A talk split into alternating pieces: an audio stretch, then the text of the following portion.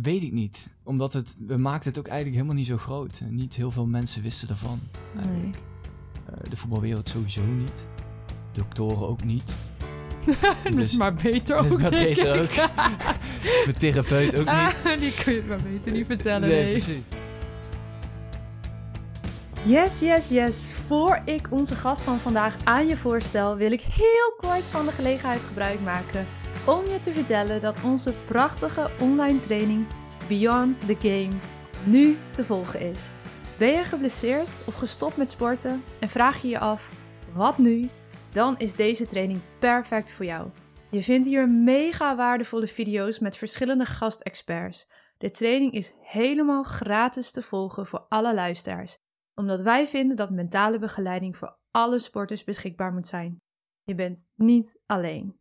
Aanmelden kan via watchyourstory.nl en deze link vind je ook in de beschrijving van deze aflevering.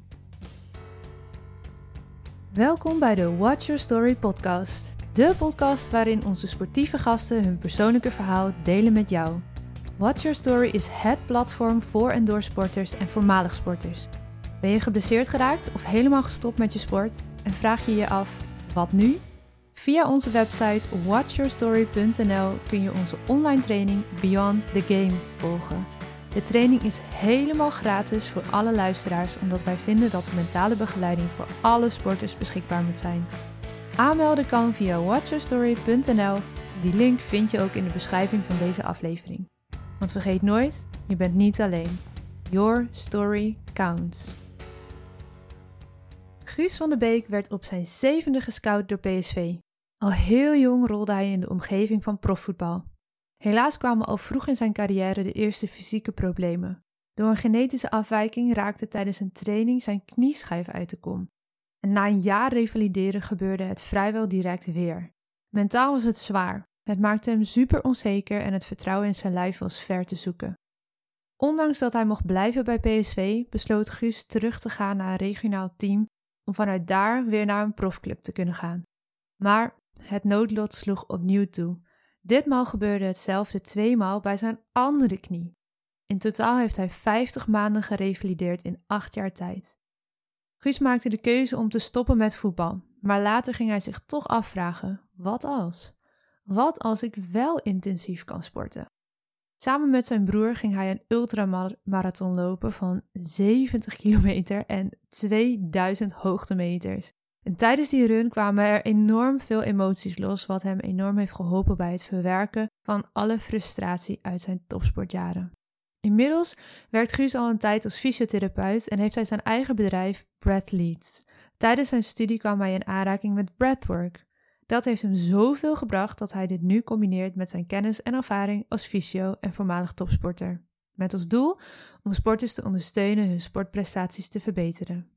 Voor we de podcast starten, wil ik nog aanstippen dat rond 35, 36 minuten het gesprek plotseling gaat over het verlies van een dierbare door zelfdoding. We gaan er niet uitgebreid op in, maar ik wil voor alle zekerheid wel vooraf deze trigger warning geven. Denk je aan zelfdoding of maak je je zorgen om iemand? Praten over zelfdoding helpt en kan anoniem via de chat op www.113.nl of telefonisch op 0800 0113. Dat gezegd hebbende, luister naar het prachtige, inspirerende gesprek met Guus van de Beek. Guus, van harte welkom in de Watch Your Story podcast. Wat ontzettend gaaf dat wij elkaar vandaag in Apeldoorn zijn we beland. Elkaar mogen spreken, welkom. Dankjewel.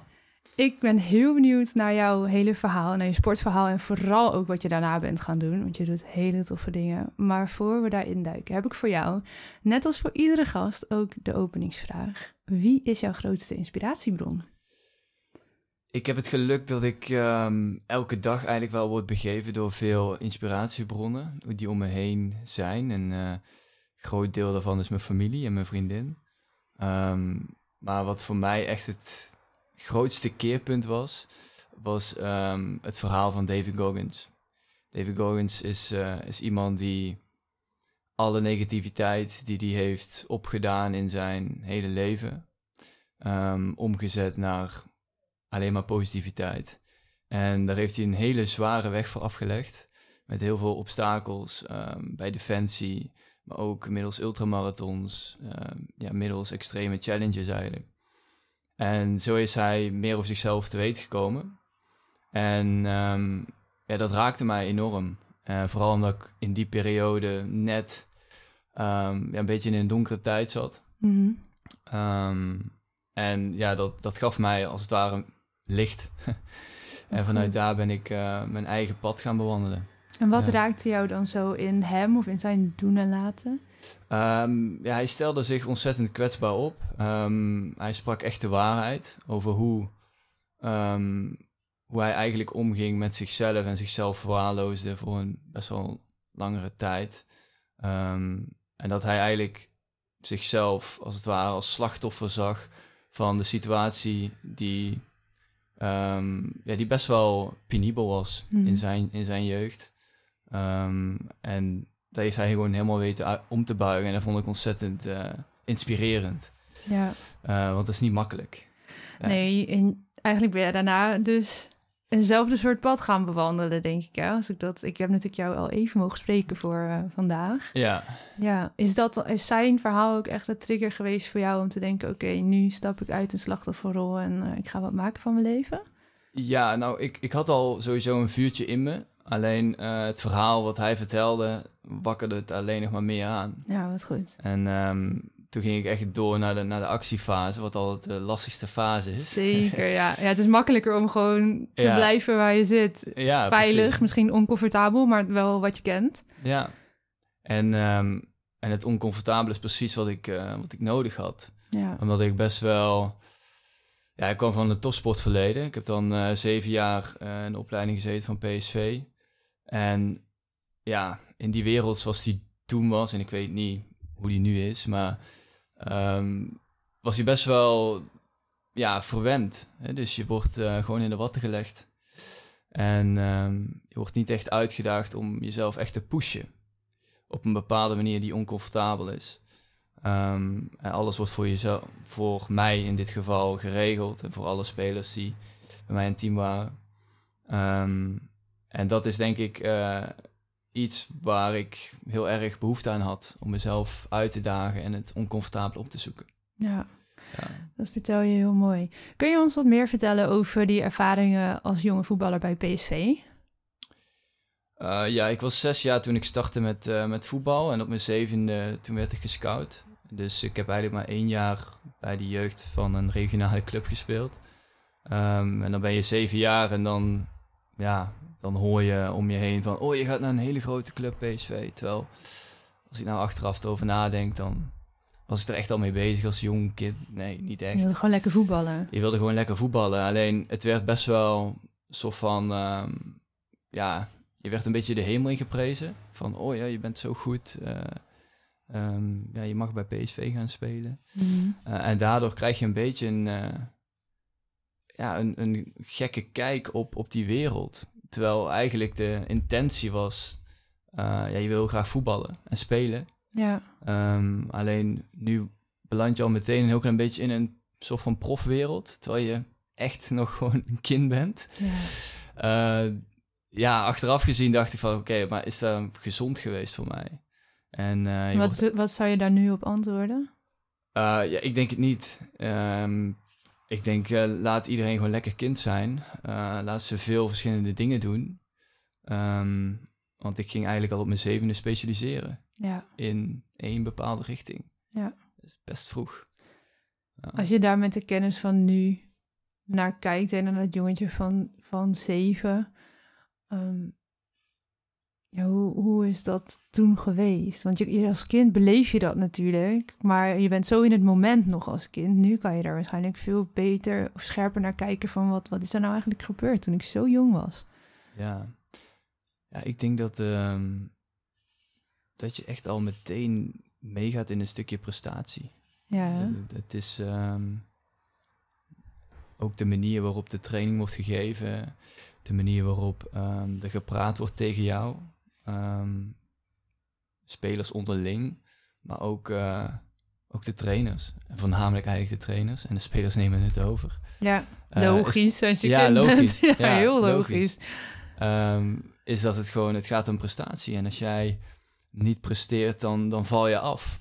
Ja. En dat was altijd het moment op het einde van het jaar.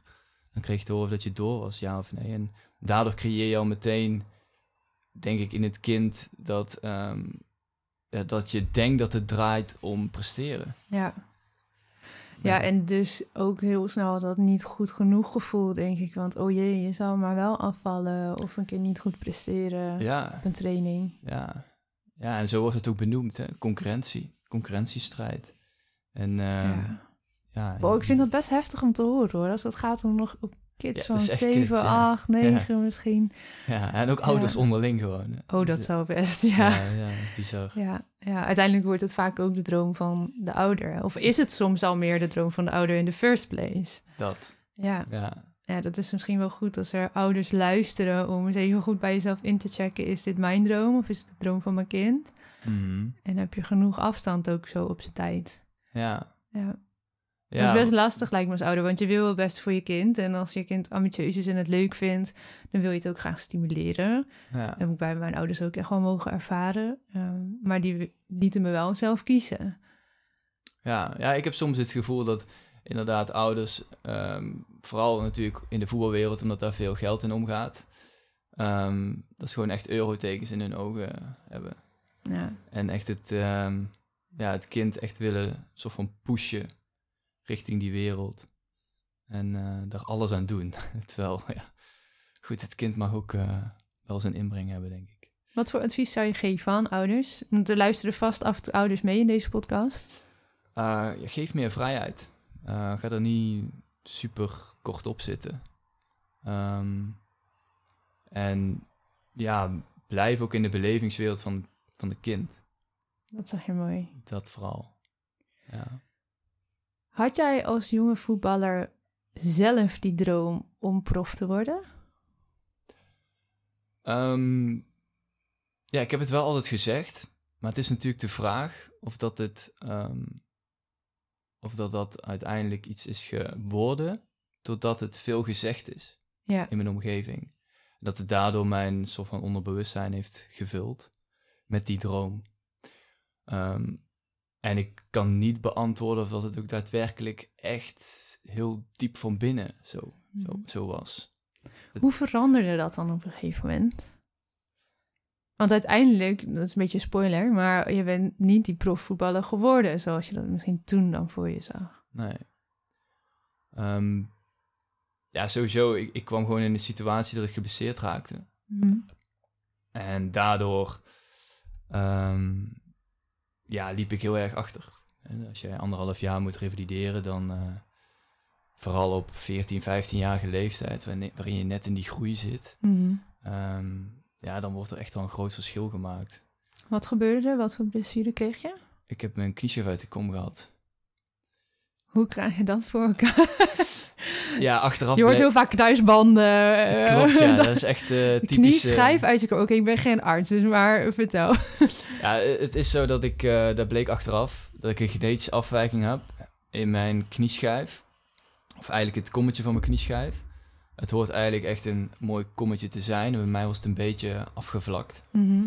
Waardoor ik best wel veel speling had op mijn knieschijf. En eh, ik ben sowieso wel bekend met hypermobiliteit.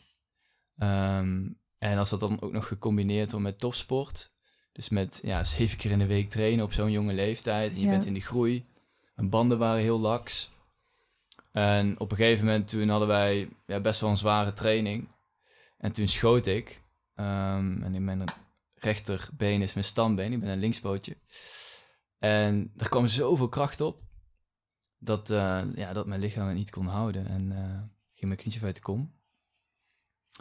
Ja, dat was, eh, was pijnlijk.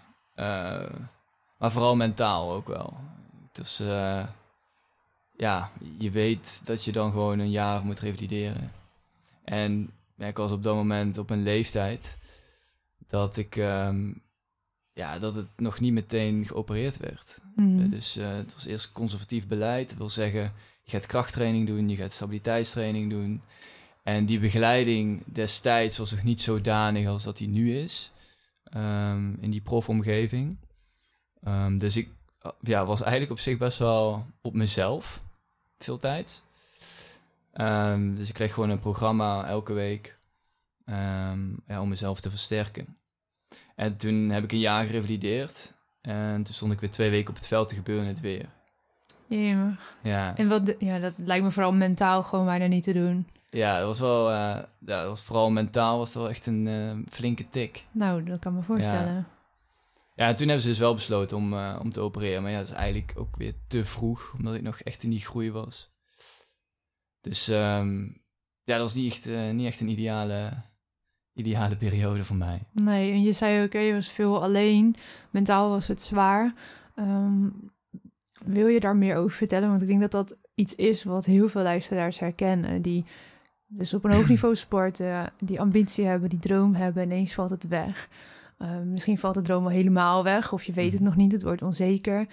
Ehm, ik ja, herken me ook wel in dat gevoel van... ja, ineens is het een soort van leegte. Je bent alleen, je weet het niet. Je bent nog super jong. Je Ja. weet sowieso nog niet zo goed wat je wil met je leven, hoe de wereld werkt. Hoe was die periode voor jou? Super onzeker, weinig zelfvertrouwen. Ehm, enerzijds gewoon als persoon, maar ook gewoon in mijn lichaam.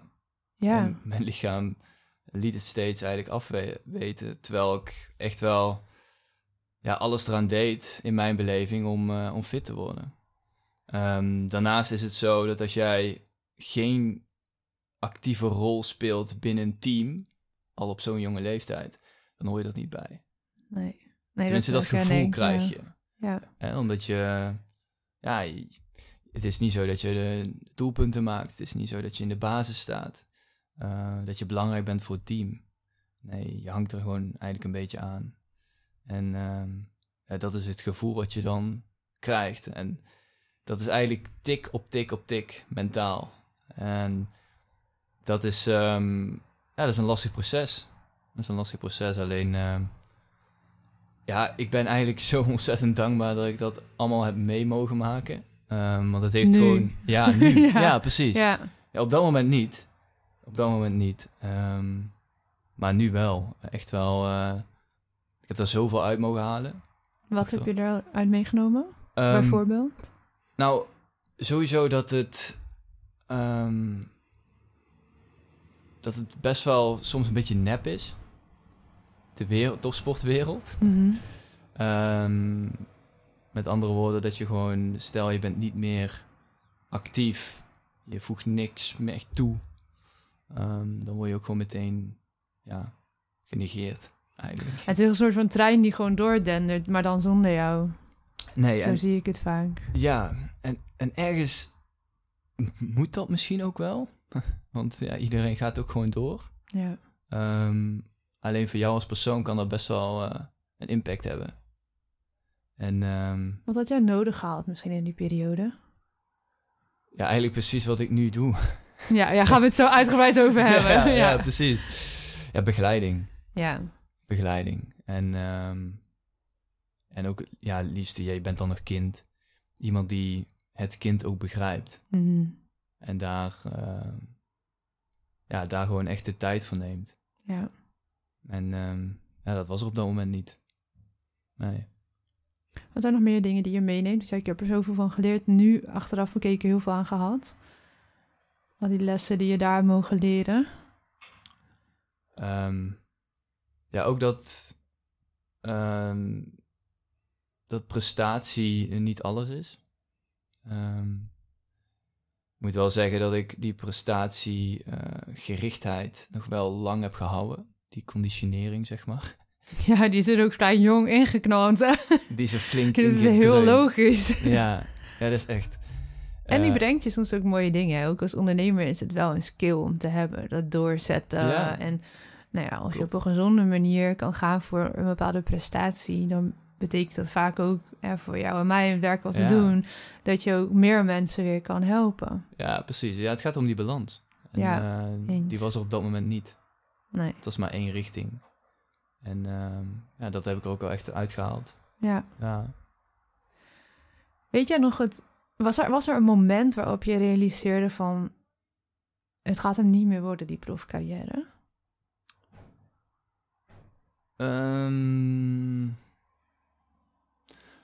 nou goed, ik, ik, ik had dus die tweede blessure aan mijn, eh, mijn rechterknie. Toen ehm, ben ik geopereerd. En toen Mhm. zou ik eigenlijk... ehm ik kreeg het advies om te stoppen met voetbal. Ehm, maar ik mocht wel gewoon door bij PSV. Ondanks dat ik best wel eh, ver achterliep. Ja. Eh, maar toen hebben we samen in gesprek met, eh, met de fysio, met mijn vader en moeder, ehm, besloten om dat niet te doen. Toen ben ik weer teruggegaan naar een regionale club. Wel met als doel om uiteindelijk toch nog het maximale uit mijn carrière te halen. En of dat het nou profvoetbal zou zijn geweest of iets anders. Ik had wel echt die intentie. Ehm, alleen toen gebeurde precies hetzelfde twee keer met de linkerkant. Dus ehm, Daar kun je ook wel echt helemaal moedeloos van worden. Dan. ja, dus ik heb in totaal 50 maanden gerevalideerd in acht jaar tijd. Oh my god. Ja. Ja. Dus dat was wel eh, ja, lange tijd. En kwam je dan op een punt dat je dacht, nou, nou ben ik er wel klaar mee? Ja, Ja. ja. Ja, inderdaad. Op 19-jarige leeftijd toen ging ik naar de, naar de dokter. Ehm, omdat ik steeds na een training echt als een oud opaatje terug naar de auto liep. Ik had Mhm. overal last van. Eh, van mijn knieën, van mijn enkels, eigenlijk alles. En ehm, ja, met de vraag van, eh, is er nog iets uit te halen? En eh, toen gaf hij dus het advies om, ja, om te stoppen. En ook misschien wel te stoppen met intensief sporten. Ja. Ehm, en toen heb ik ook al echt de keuze gemaakt om te stoppen met voetbal. En hoe was die overgang voor jou, zeg met 19, van nou, de focus op voetbal naar, ik denk, focus op misschien wel een studie of weer naar school? Ik weet niet, wat ging je doen? Ja, ik ging eh, sport in het doen. eh sporthogeschool in Eindhoven. Ehm, Wat dacht je? Toch maar weer lekker sporten? ja, ja de, misschien is dat ook wel gewoon echt conditionering geweest. Ja. Een stukje sport. Het is wat je kent, hè? Het, het- ja, het is wat ik kende. En eh, nog steeds doe ik het. Eh, op een hele andere manier, maar daar komen we straks misschien wel op. Zeker. Ehm, ja, het, is gewoon... Je valt wel in een leegte. Ehm, want je hebt eigenlijk ja, 13 jaar lang, van je zesde tot aan je negentiende, gedacht van... Dit wordt mijn ding, Mhm. profvoetbal. Ehm, en dat valt dan in één keer weg.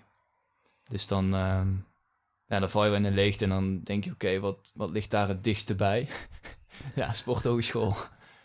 Maar hoe was dat dan? Want ik kan me voorstellen dat het wel heel fijn was dat je dan in ieder geval studiegenoten om je heen kreeg. Als waren het teamgenoten die je al zo lang niet meer om je heen had. Of Ja. was dat niet per se leuk? ik vul het een beetje te veel in. Hoe was dat? Ja, Voor jou? ehm, nou, ik heb, ik heb op school gezeten op een loodschool. Ik weet niet of je Ja. dat kent. Eh Sint Joris in Eindhoven. En ehm, ja, daar was het... eh, ja, de hele vibe was daar best wel gericht op sport natuurlijk.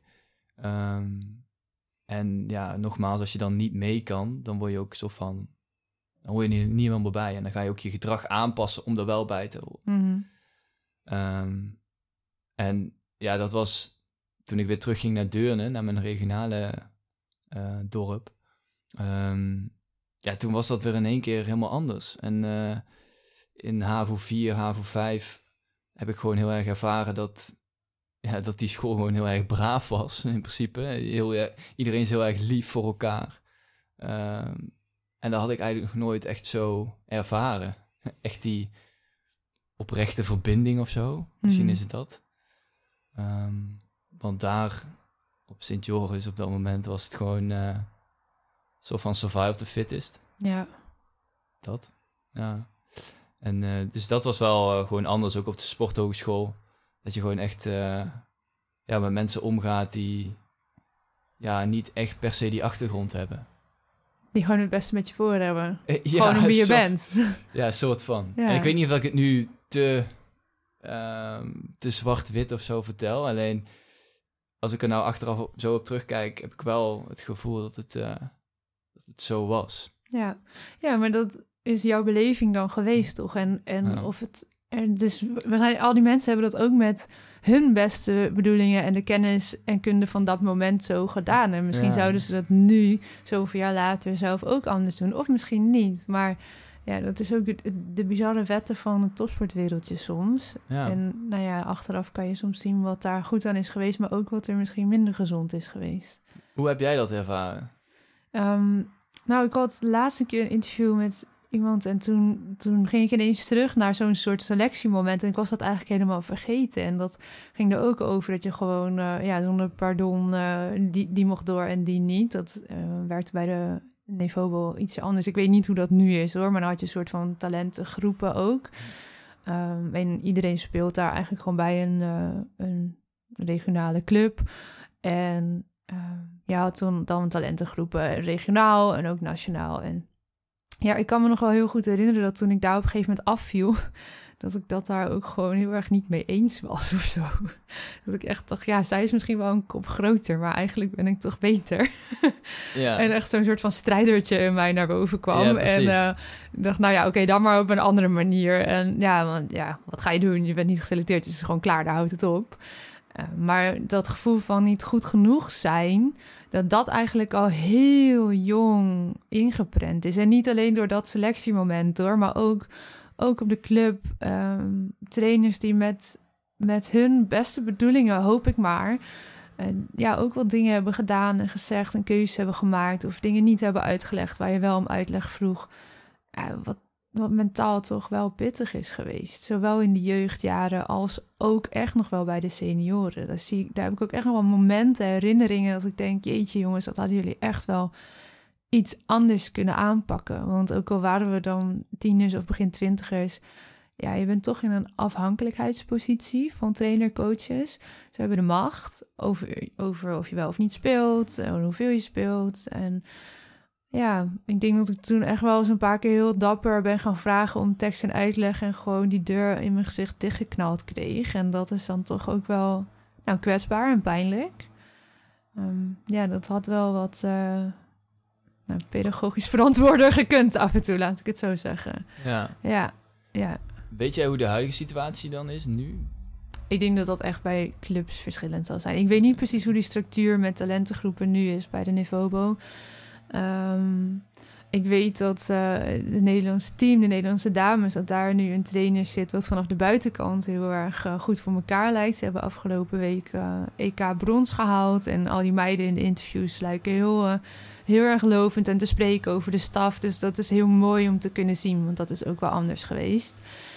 ik, ja, ik sta er veel te ver van af om, om zinnig mm. te kunnen zeggen hoe het echt is in de kleedkamer. Dat, daar kan ik echt niks over zeggen. Maar in ieder geval straalt het wel het plezier uit. En ik, ik kan alleen maar hopen dat het in, in de groepen die daaronder zitten en, en de jonge groepen, dat dat ook zo is. Ja, precies. Maar dat zou vast af en toe ook. Uh, ik hoop trouwens, luisteraars, dat jullie niet veel last hebben van een een of andere bladblazer die hier langskomt. ik hoor hem heel luid in mijn oor zetten. Ja, ja, ja. Ja, dat zal vast nog niet overal uh, perfect gaan. En ik denk dat het ook een illusie is dat dat misschien overal helemaal perfect gaat. Maar ja, ik vind het wel heel belangrijk dat daar steeds meer aandacht voor komt. Ook voor dat mentale stuk. Want het is nogal wat wat je vraagt van je spelers. En uh, nou. ja, ik denk dat ik dat heel wisselend heb ervaren. En ook wel trainers op mijn pad die dat, uh, ja, die dat juist heel goed, dat stuk heel goed op, opnamen. En uh, ja, dat voelt dan ook veel meer als een warm bad en vrijer. Mm. Echt jezelf zijn. En uiteindelijk komt dat de prestatie wel ten goede. Ja. Dus, ja. ja ik hoop alleen maar dat dat meer en meer uh, ja, wordt geïntegreerd, ook dat stuk. Ook, en de trainers doen dat ook echt niet allemaal met kwade bedoelingen, denk ik, maar ook gewoon uit niet weten. Ja. Moet ik, ik een raam gaan doen, denk je? Ik weet niet. Ik heb goede microfoons, maar ik weet niet of die dit helemaal eruit filtert. Daar ben ik heel benieuwd naar. Wij zaten nog voordat we gingen opnemen. Moeten we het raam dicht doen, maar het is vandaag gewoon 30 graden als we dit opnemen, dus we hebben hem opengelaten. Ja, ja. Maar nu... Uh... mooi achtergrondmuziek. Ja, precies. Lekker tot rust komen allemaal. Ja, ik hoop dat het niet uh, te veel stoort, jongens. Maar ik zal later terugluisteren, anders dan ja. knippen we een stukje eruit. Ja, that's life. Zo gaat het. Ja, precies. Nee, dus dat is een beetje hoe ik dat heb ervaren. Ja, ja. maar dat is goed wat je zegt, hè. Ik denk dat ehm, elke trainer wel de juiste intentie heeft. Alleen, sommige, zijn, ik, ja. sommige zijn niet wetend. Ja. En... Ehm, en, en, heel veel trainers doen dit ook gewoon als eh, op vrijwillige basis en vanuit goodwill. Ja. En die heel de amateur en breedte sport. Er zitten natuurlijk zoveel trainers die gewoon ja, dat op zich nemen vanuit liefde of vanuit mijn kind zit bij deze club. Ik ga vrijwillig iets doen. Um, ja, maar ja, die, die zitten misschien helemaal niet in het vak, zo gezegd. En dus het zou zo mooi zijn als daar... Al krijgen ze een driedelige videoserie vanuit de club of zo... waar je een beetje wat leert hierover. Ja, Ik denk echt dat alle kleine beetjes helpen ja. daarin. ja, ik heb het gevoel dat het in ieder geval in de voetbalwereld wel steeds meer komt. Dat er wel steeds meer is begeleiding fijn. is. Ehm, alleen, ja, wat jij net ook al zei, ik, ik sta daar denk ik nu te ver van af om er echt een, iets zinnigs over te zeggen. Alleen, ehm, dat is wel, eh, dat zijn wel de geluiden die ik eh, opvang van buitenaf. Dus, Jongens, ik ga heel even kijken hier buiten hoor. Want eh, ja, ik zie bij de opname dat hij het wel echt opvangt.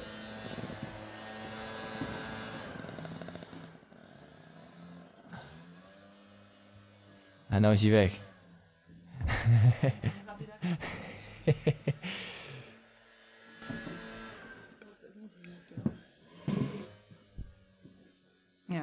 Nou goed, ik kan jou ook bijna niet meer verstaan joh met dat ding. We zitten best heel hoog, dus je zou denken het valt mee. Maar Ja. nou, zijn we weer. We gaan rustig verder. Ehm, laat me even kijken wat ik jou graag wilde vragen. Want we hebben een heleboel dingen al eventjes ehm, besproken. Nou, je ging dus, eh, even samenvatten, je ging vanuit de sport toen je besloot om te stoppen studeren. Ehm, ik wil nog wel heel graag van je weten hoe die overgang daar naartoe is geweest. Want je zei al, ja, het was eigenlijk heel fijn dat, eh, nee, dat daar gewoon weer een beetje een warm badachtig, Hmm. beschrijf je net. Eh, hoe was het om ineens student te zijn? Wennen. Dat vooral. Ehm, en ja, nogmaals, die, die conditionering die ik zo, zoveel jaren heb opgedaan. Ja, die, ik had niet het vermogen om dat in één keer los te laten. Eh, dus ehm, ik was nog steeds wel heel erg prestatiegericht. Dus ook tijdens de sporten die we deden, tijdens de lessen, wilde ik wel gewoon echt de beste zijn. Ja. En, ehm, en ook, ja, eigenlijk in alles wat ik deed, wilde ik de beste zijn. En eh, En werkte dat voor jou of brak je dat op een gegeven moment op? nou, uiteindelijk kom je erachter dat dat het ook niet is. Ehm, maar dat was toen nog niet. Zeker Nee. niet. Ik heb twee jaar sporthogeschool gedaan.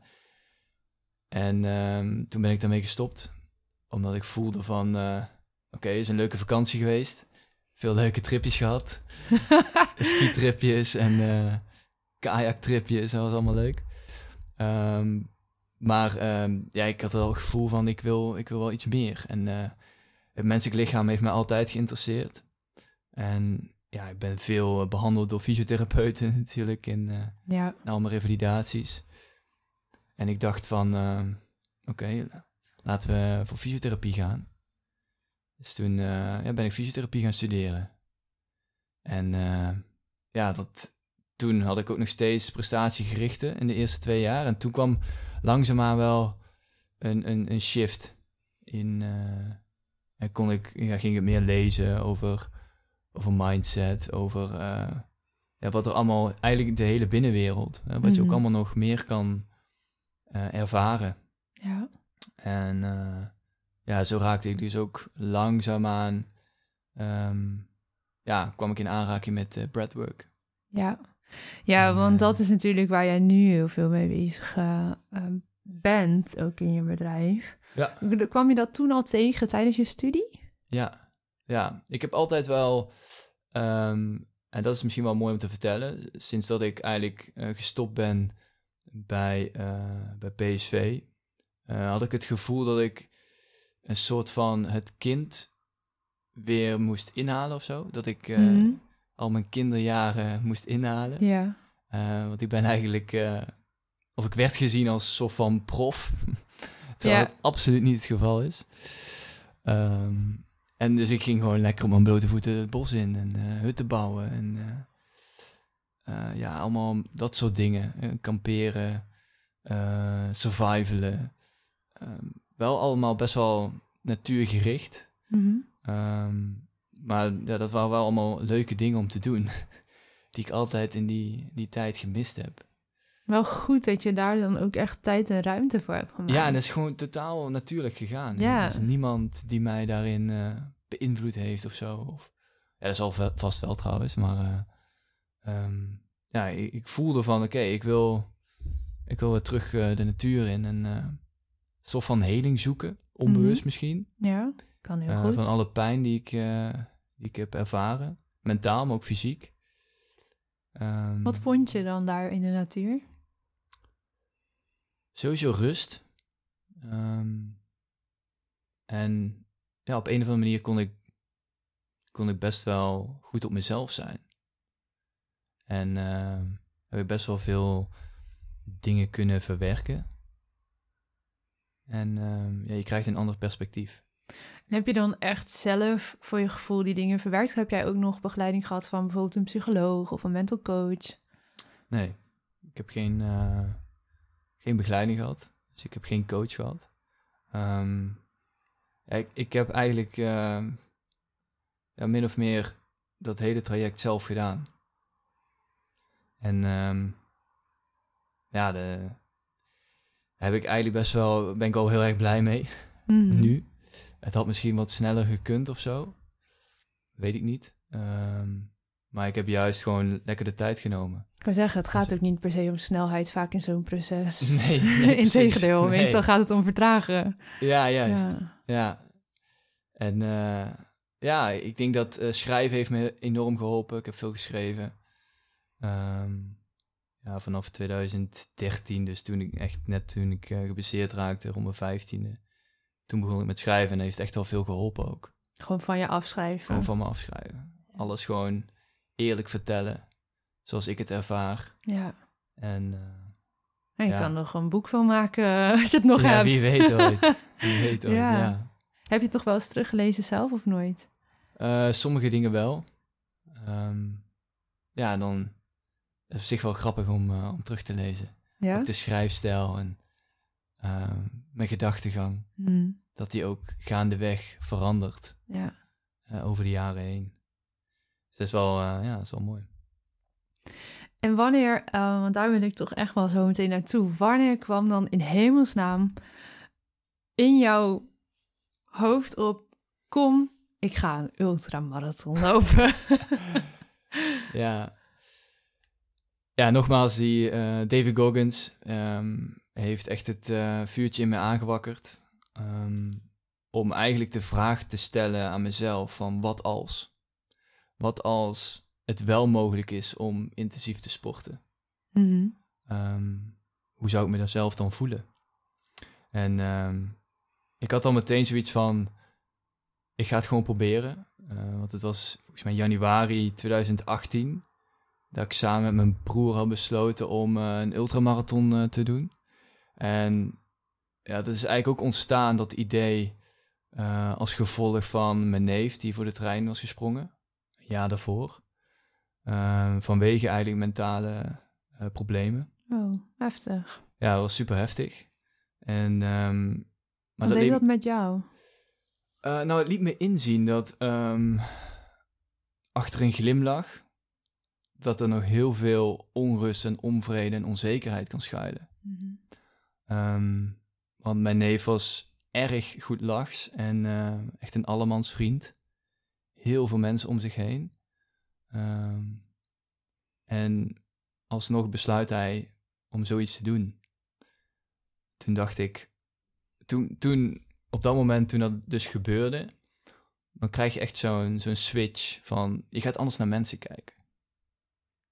Hè, Hoe van, ging jij anders kijken? Ja, wat zit er achter die glimlach? Of wat zit er achter een bepaalde expressie? Ja. Of wat zit er achter woorden? Hè? Want woorden zijn in principe, is eigenlijk een muur. Hè? Daar kan je jezelf achter verschuilen. En ik denk ook dat in deze wereld zijn we heel erg goed in het opzetten van maskers. En ook verschillende maskers. Enorm goed. Enorm goed. en, um, en daar kwam ik eigenlijk toen heel erg achter. Ja. Toen werd ik echt met de neus op de feiten gedrukt en dacht van oké, okay, toen ben ik echt research gaan doen van oké, okay, hoe, hoe, groot is eigenlijk het probleem? Uh, hoeveel mensen doen dit überhaupt per jaar bijvoorbeeld? En um, ja, ik schrok echt van de cijfers. Ja. En um, ja, en nu een paar jaar later zal dat echt alleen nog maar erger zijn, denk ik, die cijfers. Ja. Ook ja. na de hele corona-periode. en ja, wij zien dat zelf natuurlijk ook uh, veel Mensen zijn echt niet happy en dragen heel een dik masker ondertussen. Ja, Ja. ja en het- het- waarschijnlijk hebben ze zo ontzettend veel wrijving opgebouwd in hun eigen lichaam. En voelen zichzelf zo oncomfortabel in hun eigen lichaam. Ehm, dat mijn broer en ik zoiets hadden van, oké, daar willen we iets mee. Ja. We willen ergens voor gaan staan. En toen dachten we, oké, dan moeten we iets bedenken wat ontzettend oncomfortabel is. Ehm, en we waren allebei geen hardlopers. Ehm, hij kwam echt van de teamsport. Dus we dachten, oké, wat nou als we gewoon een halve marathon overslaan, een marathon overslaan en meteen voor een ultramarathon gaan. Voelt super oncomfortabel, alleen al die gedachte. Ehm, en we hadden allebei zoiets van, we dachten even na, we dachten, oké, ja, dit is het. Dit gaan we doen. En ehm, toen hebben we meteen ingeschreven. Dus er was geen weg meer terug. En toen zijn we gaan starten met trainen. Hoe train je in hemelsnaam voor zoiets groots? Geen idee op dat moment. Nee. Oh ja, echt, eh, we deden maar wat. En eh, het was... eh, Ik vind het echt dapper van jullie. Ja, het is gewoon, ja, je gaat drie kilometer lopen.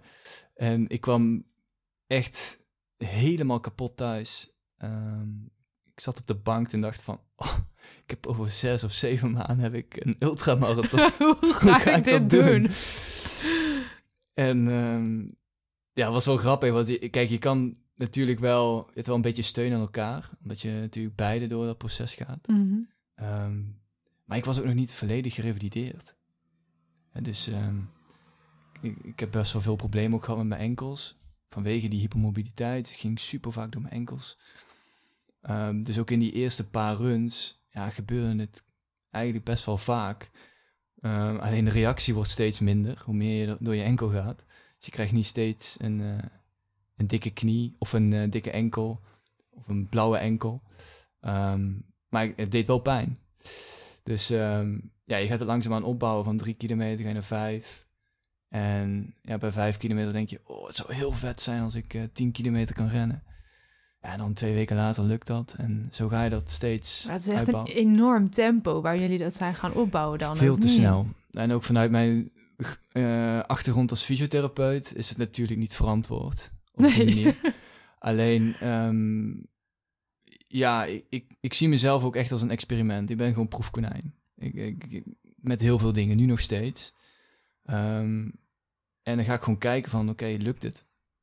En het kan En het zijn dat... Ja, het lukte. ja, het lukte uiteindelijk. En, en dat, is, dat is het hele ding. Het lukte. Ja. Maar dan nog, van 10 kilometer naar een ultra... Hoe ver is een ultramarathon? Eh, die marathon die we deden was 70 kilometer. Met eh, volgens mij 2000 hoogtemeters in Schotland. Ja, Dat is nogal een verschil met waar je dan... eh, toen had je nog een maand of vijf of zo, de tijd tikte door. Ja, ja. Ja, dus eh, ja, we hebben het eigenlijk veel te snel opgebouwd. En dat heb ik ook wel ervaren na de run. En toen was ik echt wel eh, twee weken gewoon echt super ziek. Ja. Alles kwam eruit. Ehm, dan komt natuurlijk ook dat ik tijdens de run ehm, enorm eh, emotioneel werd. Na 55 kilometer. ja. Kan je ons vertellen wat daar gebeurde? Eh, nou, het startte v- eigenlijk na 30 kilometer. Toen eh, zat ik in een afdaling. Ik had net eh, mijn broer verlaten, want ik had een iets sneller tempo op dat moment. Ehm, en mijn broer zei van, ja, ga maar, pak je eigen tempo. Dus ik ging de berg op. En in die afdaling, het was best wel glad, het was mistig. Ehm, je zag het niet zo goed. En ja, er was een rots en ik, eh, ja, ik struikelde over die rots. En ik viel, ik zwikte mijn enkel weer om. Ehm, mijn linker enkel. En ik voelde meteen van, oké, dit is echt een flinke verzwikking. Dit is anders dan dat ik heb ervaren tijdens mijn trainingen. Mhm. Ehm, en hij werd ook meteen dik. Dus ik moest, ik moest gewoon wandelen. En op dat moment kwamen er echt duizend gedachten in mijn, in mijn hoofd op. Van, ja, ga ik door? Ga ik niet door? Wat nou als ik doorga? Is dat wel goed voor mijn enkel? Super veel gedachten. En eh, gewoon chaos. En ehm, ja, het duurde niet lang voordat ehm, mijn broer mij weer inhaalde. Ja. En hij zei, hij is altijd super bezorgd. Hij zei, Guus, wat is er? Hij zegt, eh, ik zei van, eh, ja, ik heb- ben door mijn enkel gegaan. En ik zei, kijk maar. Toen hij schrok echt van hoe dik die was. Ehm, en ik zei, ja, loop je eigen tempo maar. Dus ja, toen liep hij verder. En ja, op een of andere manier, ik weet niet waarom, maar er klikte iets in mijn hoofd en in mijn lichaam. Dat ik dacht van, ehm, ik ga gewoon proberen te joggen. En we gaan gewoon kijken hoe lang ik het volhoud. Mhm. En als ik het tot die boom kan volhouden, ja, dan geef ik mezelf een schouderklopje. En ehm, ja, ik was bij die boom en ik dacht, ja, oké, die volgende boom lukt ook wel. En de volgende bocht ook wel, hè, want het was echt een, een downhill, dus een beetje haarspelbochten. En ehm, ja, voordat ik het wist, eh, was ik gewoon weer aan het, eh, aan het joggen, rustig aan het hardlopen. En ik kwam ook weer bij mijn broer. En ehm, ja, niet veel later was er een checkpoint. Daar was mijn zus ook aanwezig. En ehm, ja, mijn zus had toen ons echt helemaal goed opgelapt. En eh, dat is sowieso super waardevol om dan iemand van je familie daar te hebben op dat moment. Ja, kan me Ehm, voorstellen. betekent gewoon heel veel. En dat geeft ook wel een soort van echte burgermoed. Oké, let's go, we gaan, eh, we gaan weer door. Alleen we moesten nog 25 kilometer. En ja, ik voelde natuurlijk wel van, oké, ik ben echt zwaar in het rood aan het lopen op dit moment. Fysiek gezien. Ehm, en ja, de heftigste klim die moest nog komen. Dus ehm, ja, na 50 kilometer toen eh, hadden we net de zwaarste klim gehad. En in de downhill toen, ehm, toen zei ik tegen mijn broer van... eh, ik voel me echt goed. Ik heb echt het gevoel dat ik, eh, dat ik zweef, eigenlijk. En dat gevoel... Ja, dat is moeilijk uit te drukken in woorden, wat, wat eh, op dat moment in mij omging. Ehm, maar ik had het echt het gevoel van, oké, ook al is deze race 100 kilometer, maakt me niet uit. Ik loop hem uit. En ehm, ja, toen ben ik, toen ben ik gewoon vertrokken. En heb ik niet meer omgekeken. En toen, voordat ik het wist, was ik bij de finish. Ja. En in die 55 kilometer tot 70 kilometer, ehm, zoveel tranen, niet normaal. Terwijl ik was daar niet helemaal bewust van. Mhm. Het was, ehm, ja, het gebeurde gewoon. En wat kwam daar los? Ja, heel veel frustratie. Zo voelde het. Heel veel frustratie, heel veel. Ehm, ja, eigenlijk is een goed metafoor, denk ik. Een bal die je heel lang onder water hebt gehouden. ehm, ja, die eruit komt. Ja, En die. eh, zo voelde het ook wel. de frustratie van al die jaren. al die jaren topsport. Ja. Al die jaren topsport.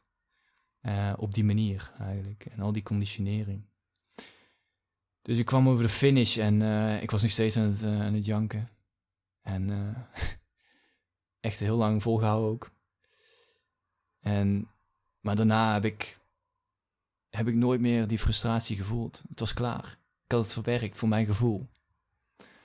En ehm, ja, dat was wel, dat was wel een heel mooi moment. En ook vooral dat samen doen met je, met je broer. En ja, mijn, mijn zus dan als een soort van medical crew. ja, eh, was wel heel, eh, heel uniek.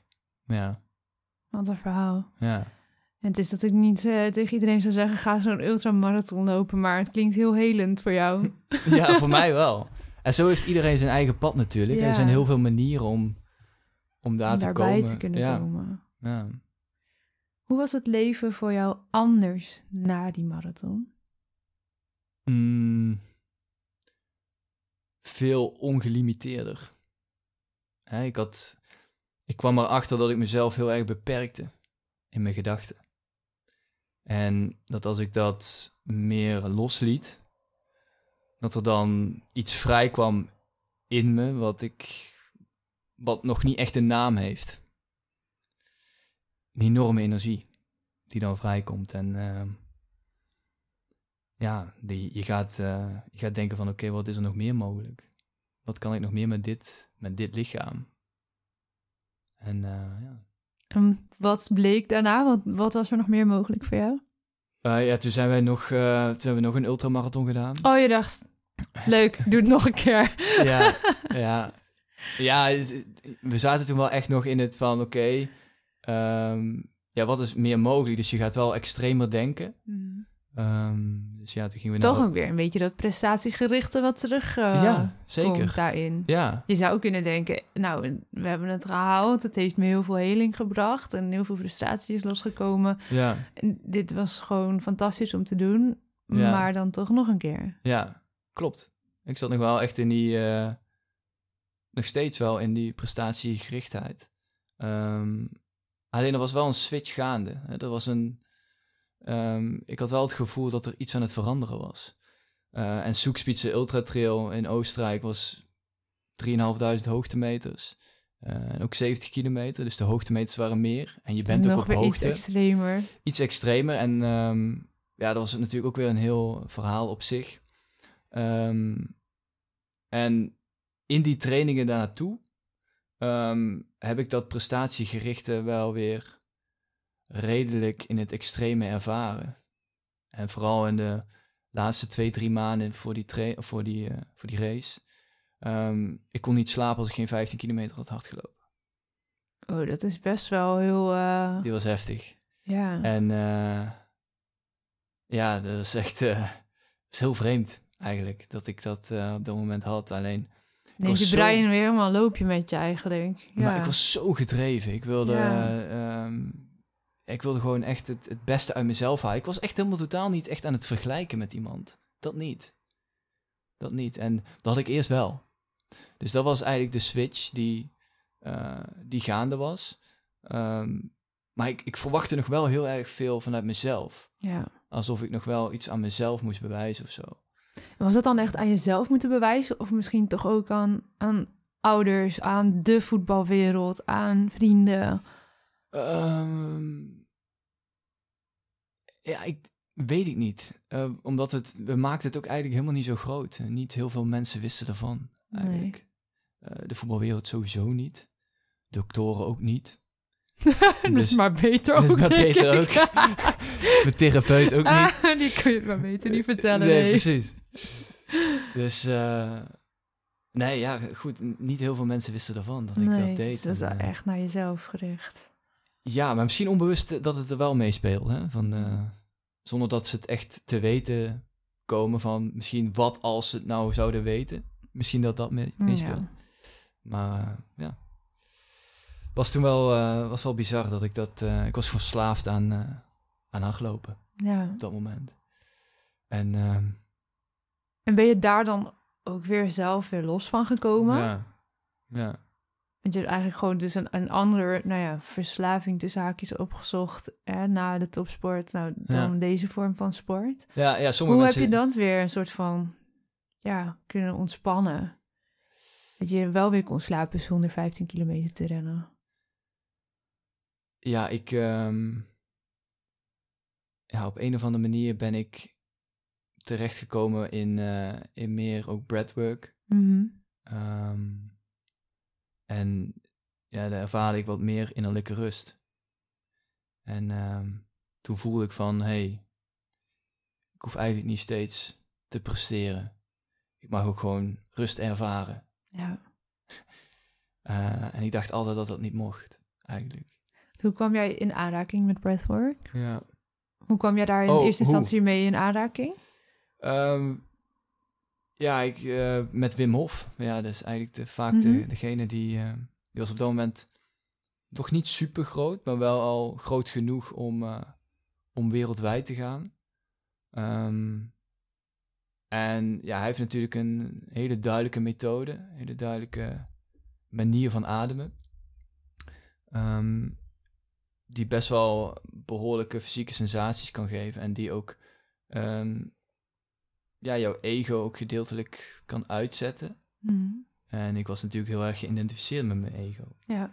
Dus ehm, ja, nadat ik die methode had gedaan, dacht ik van, oh, fuck, eh, er is veel meer mogelijk. En was jij toen al klaar met fysiotherapie? Nee, dit was, dit was eh, nog, nog tijdens daarvoor. de studie. Of tijdens de studie, ja. Ik wou zeggen, want het is eigenlijk zo'n mooie mix. Ja. ja, en dat is ook wat ik merkte ehm, tijdens de studie van fysio, op een gegeven moment. Dat ehm, het wordt heel erg bekeken vanuit het fysieke aspect. Ja. Ehm, maar ja, er is veel meer dan dat. En ehm, ja, breathwork kon dat geven. En dus ik heb heel eigenlijk best wel lang geëxperimenteerd met breathwork zonder dat iemand ervan af wist. Mhm. Dat was gewoon puur voor mezelf. En eigenlijk pas sinds vorig jaar ben ik daar echt mee naar buiten gekomen. En ben ik daar mijn eigen bedrijf uiteindelijk mee, mee gestart. Dus ehm, ja, op dat moment was dat een hele mooie combi. Ja. Wat doet goede ademhaling voor je lijf? Het heeft meerdere dimensies. Dus als jij je prestatie wil verbeteren, kan ademhaling ervoor zorgen dat je effectiever zuurstof opneemt in je werkende cellen. En dat resulteert in meer energie aanmaak. Als je meer energie hebt, kan je langer volhouden. Verzuur je minder snel. Ehm, en herstel je ook minder of eh, sneller. Dus dat is eh, eigenlijk het voornaamste wat, wat betreft eh, prestatie. Ehm, daarnaast is het zo dat neusademhaling zorgt voor meer focus. Veel, veel meer mentale helderheid. Dus het heeft ook een mentaal component. Ehm, en nu zijn er ook onderzoeken gaande waarbij je, als je door je neus aan, dat je ook veel beter bewust bent van de ruimte om je heen. Oké, wauw. Dus het is ook weer een beetje gecombineerd. Dus daar zijn ze nu mee bezig hoor. Dat het ook misschien eh, een rol speelt in proprioceptus. Hè, dus echt je gevoel voor de ruimte. Ehm, ja, dat is wel. Zit je dan ook constant op te letten hoe mensen ademen of valt dat wel mee? eh, ja, dat is wel. Je checkt altijd wel in met de ademhaling. vakidioot. Ja, Ja. je checkt altijd wel in eh, met de ademhaling. Alleen dat is ook. ehm, je voelt gewoon hoe iemand is. Eh, of dat iemand meer gestrest is.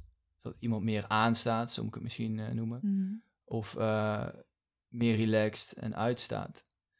Ja, de meeste mensen, ik werk nu natuurlijk ook nog als fysiotherapeut. De meeste mensen die in de praktijk komen, die, die staan wel aan. Ja.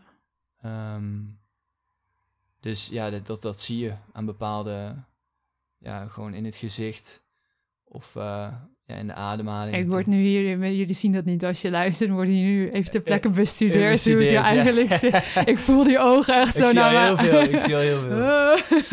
Ja, Gaan we het na- straks wel even over hebben. ja precies. Nee, maar oprecht, ik vind dat wel interessant. Waarom ook niet gewoon nu? Wat zie jij bijvoorbeeld? We zitten hier al een tijdje tegenover elkaar. Wat valt jou dan op? Ik ben er Ehm, helemaal niet mee bezig geweest. Dan zet ik je nu voor het blok. nee, ja, ik heb altijd een soort van voelspriet of zo. Mhm. die aanwezig is. Ehm, ja, je ziet dat je gewoon wat, wat meer eh, vanuit jou... Je hebt eigenlijk een patroon, meer vanuit je upper chest, upper chest breathing. Mhm. Ehm, daarna ga je naar je buik en daarna ga je weer naar je borst. Ik zit nu te voelen natuurlijk. Dat is Ja. wel grappig, ja. Ja. En ehm, op zich is dat niet heel gek, want je bent ook aan het praten. Als je aan het praten bent, dan is het sowieso vaak dat we wat meer vanuit de borst eh, ademen. Ehm, maar je gaat ook merken dat als je dat meer vanuit je buik doet, dat dan ook verandert. Ook je stem Ja, verandert. ik probeer nu een beetje zo te zakken. Maar waarschijnlijk zak je met je stem dan ook mee. Ja. Rustiger. Ja, Ja, je krijgt eigenlijk een zwaardere stem. ja. Ehm, ja. Ja, dat zijn eh, ja, een stukje houding natuurlijk. ja. Dat speelt ook een rol, maar eh, ja. Ja, sorry. Ik wilde je ontbreken met een vraag. Maar wilde je nog iets aan toevoegen? ja, het is gewoon heel erg interessant, want je kan eigenlijk best wel goed het zenuwstelsel onderzoeken. En eh, dan niet per se met apparatuur, maar gewoon door te observeren en vooral blanco te observeren. Ehm, want je Wat bent bedoel jij dan met het zenuwstelsel onderzoeken? Ehm, nou, ja, ik heb, je hebt natuurlijk even grofweg heb je je aan en je uit. En ehm, iedereen heeft een bepaald patroon ontwikkeld ehm, die meer richting aan gaat of meer richting uit. Wat betreft hun ademhaling. Mhm. Ademhaling staat da- daar meteen mee in verbinding. En bij iedereen is dat uniek, dat adempatroon. Ik zie het eigenlijk meer als een vingerafdrukscanner. Mhm. Dus voor iedereen is dat eh, uniek. Ehm, en dat vertelt iets, iets over hoe jouw zenuwstelsel in elkaar zit. En je hebt ook bepaalde testen daarvoor om dat eh, te onderzoeken. Of dat je hoog aroused bent, dat je hoog gestrest bent, ehm, of dat je juist heel erg relaxed bent in je zenuwstelsel. En als je dat vanuit jouw eh, vak dan bekijkt, zou dat dan ook verband houden met bijvoorbeeld fysieke klachten die je ervaart? Ehm, ja, ik kan het niet eh, volledig hard maken. Ehm, het is niet wetenschappelijk per se bewezen, denk ik, omdat het ook moeilijk te onderzoeken is. Ehm, maar het is wel mijn ervaring. Ja. Dat als ik een bepaalde oefening doe met mensen die bijvoorbeeld nekpijn hebben, of lage rugpijn, Mhm. Ehm, ja, een ademoefening en ze kunnen al een heel stuk van hun klachten af zijn. Bijzonder, hè? Ja, Ja. Zouden we allemaal moeten weten. Het is wel goed dat jij dat meer de wereld in gaat, eh, gaat brengen. Zijn er oefeningen die je ehm, heel makkelijk en zelf thuis zou kunnen doen? Is er een oefening, nou bijvoorbeeld nekpijn, een makkelijke ademhaloefening, of is dat, vergt dat meer eh, begeleiding? Is er iets wat we, wat we mee zouden kunnen geven in de ja wat je zou kunnen doen is ehm, ook om te observeren en bewust te worden van waar je ademt. Om één hand op je borst te leggen Mhm. en één hand op je buik. Ja. En ja, ik hou altijd best wel veel van spelletjes. En dan kan je het spelletje spelen om jou, alleen jouw onderste hand te laten bewegen. Dus je bovenste hand is stil en je onderste hand beweegt.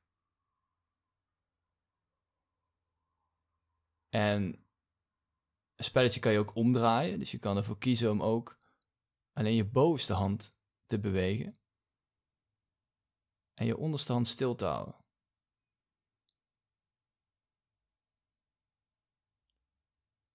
En dan is het weer erg mooi om je ogen te sluiten en ook te voelen van oké, wat doet dat met mijn staat? Heb ik het gevoel dat ik als ik meer vanuit mijn borst adem, eh, meer opgejaagd ben, meer in die aanstand kom? Mhm. Of ehm, word ik er juist rustiger van? Want dat klinkt onlogisch, maar dat is dus wel soms zo bij mensen die juist rustiger worden van een hoge, hogere ademhaling. Ehm, dat is nooit eigenlijk. Nee, toch, ik vraag het Nee, omdat je het zo, zo ja, stelt. maar, Maar, ja, maar ik wil vooral gewoon. ehm, het kan zo zijn dat iemand dat wel zo ervaart. ja, en ik wil altijd onderzoekend blijven. ja. Ik wil nog niet te veel conclusies trekken. Ehm, ondanks dat het in 99% van de gevallen wel zo is. Nou, misschien is het bij iemand niet zo. Niet zo, ja, nee, dat kan natuurlijk. Ja, je hebt helemaal gelijk. Ja, Ja. dus eh, ja, dat. En dat is denk ik wel een mooie oefening om te doen. Ja, Puur om meer bewust te worden van je adem. En dat is denk ik de eerste stap. zeker. Ehm, en dan voel je ook al dat je wat meer je diafragma gebruikt, meer je middenrif inzet. En minder je hulpademhalingsspieren. En je hulpademhalingsspieren die zitten heel erg bij de voorkant van je nek en de achterkant van je nek. En vaak als je vanuit je borst ademt, dan neem je ook je schouders mee Nee, op ja. het moment dat je inademt. Waardoor je eigenlijk continu spanning zet op je nekspieren. En er dan vanzelf last van krijgen natuurlijk. En inderdaad dan last van krijgt. Vooral als je 20 tot 30.000 keer per dag doet. Ja, ja, bizar. Je doet het allemaal onbewust, het ademen. Maar dit brengt het wel echt even naar het bewuste. Ja. Zo'n oefening. Mooi, Ja. dankjewel. Ja. Hoe ziet jouw werk eruit? Want je, je bent fysiotherapeut nog steeds. En daarnaast heb je dus je eigen bedrijf eh, gestart. Mhm. En combineer je die twee, als ik dat goed heb begrepen. Ehm, wat doe jij zo al met de mensen die bij jou komen? Laten we, sorry, laten we nog eens beginnen. Wat voor mensen komen er bij jou? Eh, bij mij komen sporters, eh, ondernemers ehm, en mensen die ehm, ja, gewoon een verdiepende slag willen maken wat betreft ademwerk. Mhm. Ehm, dat is eigenlijk vooral mijn doelgroep. En met sporters ga ik veel aan de slag met eh, ja, het verbeteren van de zuurstofopname. Ja. Eh, en een mentaal stuk, wat ik heel erg interessant vind. Eh, met ondernemers is het vaak dat ze bij mij komen en zeggen van... eh, Guus, ik zit helemaal vol in mijn gedachten. Ik heb geen ruimte meer. Ja, Ehm, ik slaap slecht. Ehm, wat kan ik doen? Dus met die hulpvraag komen ze. En ehm, ja, dan zet ik van allerlei interventies in om dat eh, te verminderen en te verbeteren eigenlijk. eh, dat ze beter kunnen slapen, dat ze beter hun zenuwstelsel kunnen reguleren. Dat ze onafhankelijk worden van mij, want in principe hebben hun zelf een lichaam ehm, waarmee ze dat kunnen. Ja. Daar ben ik niet voor nodig. Alleen ik kan ze daar wel in begeleiden. Begeleid ze eigenlijk in, in hun eigen lichaam. Ehm, ja, dus dat is wel, eh, dat is eigenlijk het voornaamste wat ik doe. En ehm, wat betreft sporters ga ik ook echt het bos in. Vandaar dat ik ook gekozen heb voor een unieke locatie in het bos. Ehm, waarbij ze ook echt bewust kunnen worden van hun eigen adem. Eh, en ook van hun ja, headspace. Hè? Dus wat gebeurt er in, in het hoofd. En je ziet vaak dat heel veel sporters die houden heel erg vast aan hun vaste routine. Mm. Vaste eh, trainingsschema of voeding. Of, ehm, en ze hebben moeite om dat te doorbreken. Maar misschien, als je het doorbreekt, kom je uiteindelijk juist wel beter uit. En ehm, ja, dat, dat is altijd een eh, experiment, want iedereen is uniek. Dus ik heb niet een bepaalde methode. Ik heb gewoon heel veel in mijn rugzakje. En bij de een werkt dat, bij de ander werkt dat. Ja. En ehm, het is mooi om dat ook te combineren met eh, een stukje fysiotherapie. En dus ook echt aanraken en bepaalde gedeeltes in het lichaam eh, letterlijk eigenlijk ontgrendelen. We houden heel veel spanning vast. Ja, vertel mij wat. dat is echt iets. Ik zit er ademloos naar te luisteren. Want het is echt iets wat ik heel erg herken. Want als ik spanning, nou ja, nek, weet je, dat kennen we denk ik bijna allemaal in deze laptop-tijd. Ehm, ik heb het heel erg bij mijn knieën. Daar voel ik als eerste als er iets niet goed met mij is. Hmm. Dat, dat is een soort van. Dat Heb was eerst een fluistering in mijn lijf. Dat is op een gegeven moment gaan schreeuwen. Het is ook wel rustig geweest. En nu, dat, dat had ik toen niet door, hè, maar nu kan ik zien. hey, als er iets aan de hand is, of dat nou fysiek is of mentaal, dan voel ik dat als eerst bij mijn knieën. En ook hormonaal voel ik het in de cyclus. Dat de ene week heb ik er veel minder last van dan de andere weken. Ja. Maar vooral ook als ik me zorgen maak om iets, stress, hè, wat jij eerder al noemde, dan, eh, nee, dan kan ik dat heel lang eventueel nog negeren terwijl ik het wel al voel. of ik kies ervoor om daar gelijk naar te luisteren en iets mee te doen. Maar ja, zo, dat is bij mij echt de plek in mijn lijf waar ik dat als eerst Ja. door heb. Ja, Ja. dus misschien wel interessant hè, als je nu luistert om eens bij jezelf na te gaan. Hey, wat is er in mijn lijf een plek waar, ja, waar je misschien wel een soort van fluistering van je lijf krijgt? Of misschien zelfs schreeuwen. eh, Waar je meer naar mag luisteren. Ja. ja. En wat doe jij dan als jij dat voelt? Ja, wisselend. Ehm, wat ik nu, eh, we zijn net verhuisd, nieuwe stad. Dus wat ik nu regulier weer in mijn leven probeer te integreren, is in ieder geval één keer in de week een sportklasje. Waar ik gewoon een stok achter de deur heb om bezig te zijn. Eén keer in de week naar een yoga groepje. En ik dans één keer in de week salsa. Dat zijn soort van. Nou ja, dat heb ik nu standaard geïntegreerd in mijn eh, routine. En dat is ook met mensen. eh is als een soort van stok achter de deur. Ehm, ik doe dat ook af en toe thuis nog wel eh, wat meer. yoga of meditatiemomentjes ehm, en sport. Maar los daarvan, als ik echt merk van... hé, hey, dit is niet cyclusgebonden of sportgebonden... waardoor ik wat meer last heb, maar ehm, er is iets...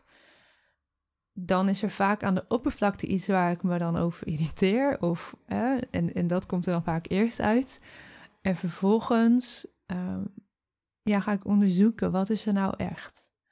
En soms ook met iemand samen dat onderzoeken, met mijn partner of met mijn businessmaatje of met een coach, als ik daar niet zo goed zelf bij kom. Waar maak ik me nou echt zorgen om? Of wat gaat er nu niet lekker in mijn leven, eh, waardoor mijn lijf zo reageert? Mhm. Eh, soms is dat voeding gerelateerd, soms is dat werk gerelateerd. Eh, nou, we hebben een kleintje thuis. Weet je, er zijn natuurlijk heel veel eh, dingen waar, ehm, waardoor je even in disbalans kan zijn. Dus dat is wel wat ik heb geleerd. Want ik heb dat in het verleden ook gewoon keihard genegeerd voor jarenlang. En gewoon doorgaan. Extra tapeje omheen. Precies. Plakken. En weer verder. Ja, volgende training. En toen was mijn lijf ook al wel met me aan het praten. Alleen had ik dat nog niet geleerd om daarnaar te luisteren. Ja. En dat is wel iets van ja, de laatste jaren dat ik dat ben gaan leren. Kijk van, oh wacht, het is niet zomaar dat ik last heb. Nee. Want in principe is er niks stuk, ook niet in mijn knieën. Oké, En, hè, dus niks geen fysiek, kraakbeen, geen... schade. Nou, oh, vast. Oh. Dat, dat is misschien wel hoor. Vanuit Al al, die sprongen. Ja, ja. Nee, maar niet eh, geen kruisbanden die kapot zijn geweest. Of weet je, dat, er is nu niks aan de hand waardoor eh, eh, ik pijn zou moeten hebben. Voor, voor zover ik dat medisch kan beoordelen zelf. Ehm, dus als ik wel last heb, dan is er iets anders. ja. Blijkbaar. Wat Mm. triggert. Tenminste, zo zie ik dat. Misschien heb jij daar een hele andere visie Ja. op hoor. Maar ja, dat zijn een beetje de dingen die ik dan zelf aanpak. En soms is het ook simpelweg gewoon een afspraak afzeggen en vroeg gaan slapen. Lekker Ja. warme douche nemen en zeggen: Ja, ik, ik, sorry, maar ik, ga, ik moet even tijd voor mezelf maken. Of een wandeling. Of kan, Ja. ja. weet je, dat is echt ja, een incheckmomentje bij jezelf creëren. Wat is er nou echt? Ja, En soms dat is, is dat iets heel kleins. ja. En soms vergt dat wat meer aandacht. Ja. En lukt het jou om ook snel af te schakelen? Dus stel je bent heel erg druk geweest. Mhm. ehm, de hele dag eh, bezig geweest met podcast bijvoorbeeld. Ja. Ehm, als je dan weer een soort echt moet downregulaten, Mhm. lukt, dat, lukt dat goed? Of wat doe je dan? ja. Omdat, eh, De ene dag beter dan de andere dag, zeg ik je heel eerlijk. En met sommige dingen ook makkelijker dan met andere dingen. Bijvoorbeeld een podcast. Als wij straks klaar zijn met het interview en ja, ik ben blij met wat we hebben opgenomen. Ehm, dan kan ik straks gewoon weer rustig terug in de trein of in de auto naar huis stappen. En dan, eh, dan is dat klaar tot het moment dat ik ga editen. En dan kan ik dat eh, laten liggen. Nou, we hadden het zo net even over. Het moment dat ik deze podcast opneem, zijn er allemaal struggles met mijn e-mailadressen en zo. Ja, daar, dat vind ik echt scheidirritant. Dat kan ik dan eigenlijk niet loslaten totdat het is opgelost. Maar ik heb ook geen zin om ermee bezig te gaan. Het moet, maar ik, oh, nou ja, daar kan ik me dan echt aan irriteren. Maar wat ik minder makkelijk los kan laten zijn soms... ehm, ja, wij geven allemaal trainingen en die training dat, die is heel helder. Maar daar zitten natuurlijk hele processen achter en voor qua marketing. En oh, ik moet die nog even bellen of die even een appje of dat lijntje nog even uitleggen. Daar kan ik 's morgens vroeg soms al voor de wekker dan mee bezig zijn en- mm, ja, dat is wel iets, dat vind ik lastiger om, eh, om soms los te laten. En je stelde nog een vraag, maar die ben ik nu even vergeten. Weet jij het nog? ja, wat, je, wat je doet, zeg maar. Waar- ja, hoe- wat ik doe. Ja, Ja. hoe check je in en ehm, wat is voor jou een hulpmiddel om echt af te Mhm. schakelen? Ik heb een hele mooie focus planner sinds een tijdje. En daarin schrijf ik 's morgens op de drie belangrijkste dingen van die dag. Eh, dat helpt heel erg. Ik merk het ook gelijk als ik dat even verwaarloos en niet doe, dat dat nou ja, tegen me werkt. Ja. Ja, nou ja, in, die structuur, dat, dat vind ik wel lekker. Dus dan, ik heb daar ook wel nog lijstjes van, even, wat, wat wil ik verder allemaal vandaag nog afronden? Maar drie dingen sowieso. Dus vandaag is dat bijvoorbeeld hè, de podcast sowieso. Eh, ik wil nog kijken of ik een uur vind straks om bezig te gaan. Kijken of ik die e-mail kan regelen. En vanmiddag bijvoorbeeld met volle aandacht eh, bij mijn dochter zijn en samen lekker koken. Dus dat zijn ook dingen die daarop mogen staan. Of, hè, dus het is niet alleen maar werkgerelateerd. Of vanavond Ja. even met volle aandacht bij mijn partner zijn. Eh, zoiets kan daar voor mij ook, ook op staan. Ehm, dus dat helpt. En iets wat ik... ik weet eigenlijk niet meer waar ik dat een keer heb gehoord. Maar aan het einde van de werkdag... Ik werk veel vanuit huis. Dan zit ik op zolder. Hebben we een mooie werkkamer gemaakt. Eh, dus voor ik naar beneden loop, hardop zeggen... Het werk is klaar voor vandaag. Zodat Dus echt hardop zeggen van voor vandaag is het klaar. Ook al, want als ondernemer is het nooit klaar. En als topsporter ook niet. Want Nee. je kan altijd nog iets bedenken wat je in de avonduurtjes zou kunnen doen. Of wat je in je gedachten nog steeds zou kunnen doen. Eh, het is toch nooit af. Er kan altijd wel iets meer of beter of toch nog even geregeld of nu alvast geregeld. Er is altijd wel iets. Dat is denk ik ook het grote probleem bij veel ondernemers. Absoluut. En dan helpt het toch wel, maar voordat ik naar beneden loop, ik ruim mijn tafel op.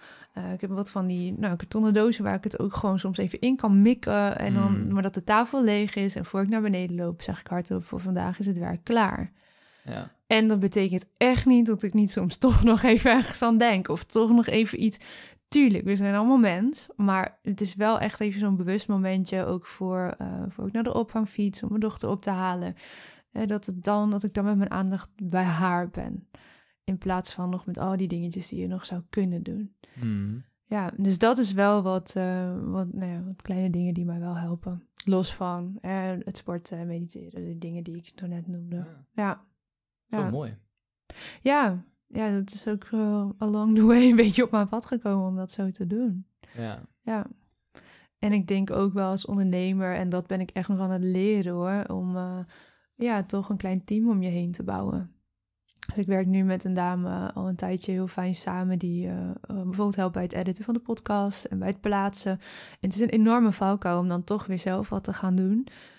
Maar, maar, echt zeggen, nee, zij neemt dat stukje op zich. En zo zijn er echt nog wel ook wat, wat mensen op mijn wensenlijstje. Ik zou heel graag willen werken met iemand die gewoon de achterkant van de business kan managen. Die een stuk mail kan doen. En uh, en iemand die aan de voorkant juist kan zorgen dat we elke dag zichtbaar zijn met al die mooie dingen uit de podcast. Ja, en dat dat op de, de mail gaat naar iedereen. En want dat zijn allemaal dingen die ik nog zelf doe en die veel te veel tijd kosten eigenlijk.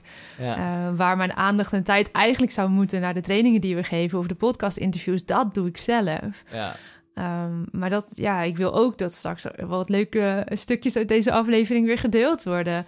En dat gebeurt nog veel minder dan dat zou kunnen. Dus weet je, dat stukje groeien als ondernemer en toch ja, langzaam een beetje een team om je heen verzamelen die wat van je bordje afhalen. Ja. Is wel essentieel, denk ik, voor het langdurig dat succes. kunst, ja. ja. Maar ook, ja, ik zeg eerlijk, ik zit in, daar midden in dat leerproces. Dat, uh, en, en durven loslaten, durven uitbesteden. Uh, daarin durven investeren, ook financieel, maar ook qua tijd en vertrouwen. Uh, ja, ik vind het een mooi proces. Ik vind het een lastig proces. En ik zie wel het plaatje vormen als het wat, Ja. wat meer staat. Ja, absoluut. Dat is mooi om naartoe te werken. Ja, denk ik wel. En ook gezond als bedrijf om daar stap voor stap uh, Ja. ja, naartoe te werken. En gezond voor jezelf dus uiteindelijk. Hè? Want als er minder stress is, dan uh, hoop ik dat die knieën wat minder vaak schreeuwen om aandacht. Ja, juist. Ja. ja. Ja, Hoe is dat voor jou als ondernemer? Merk jij ook van, hé, hey, dat, je bent veel recenter gestart. Um, werk jij samen bijvoorbeeld met een team? Um, ik maak wel gebruik van mijn netwerk.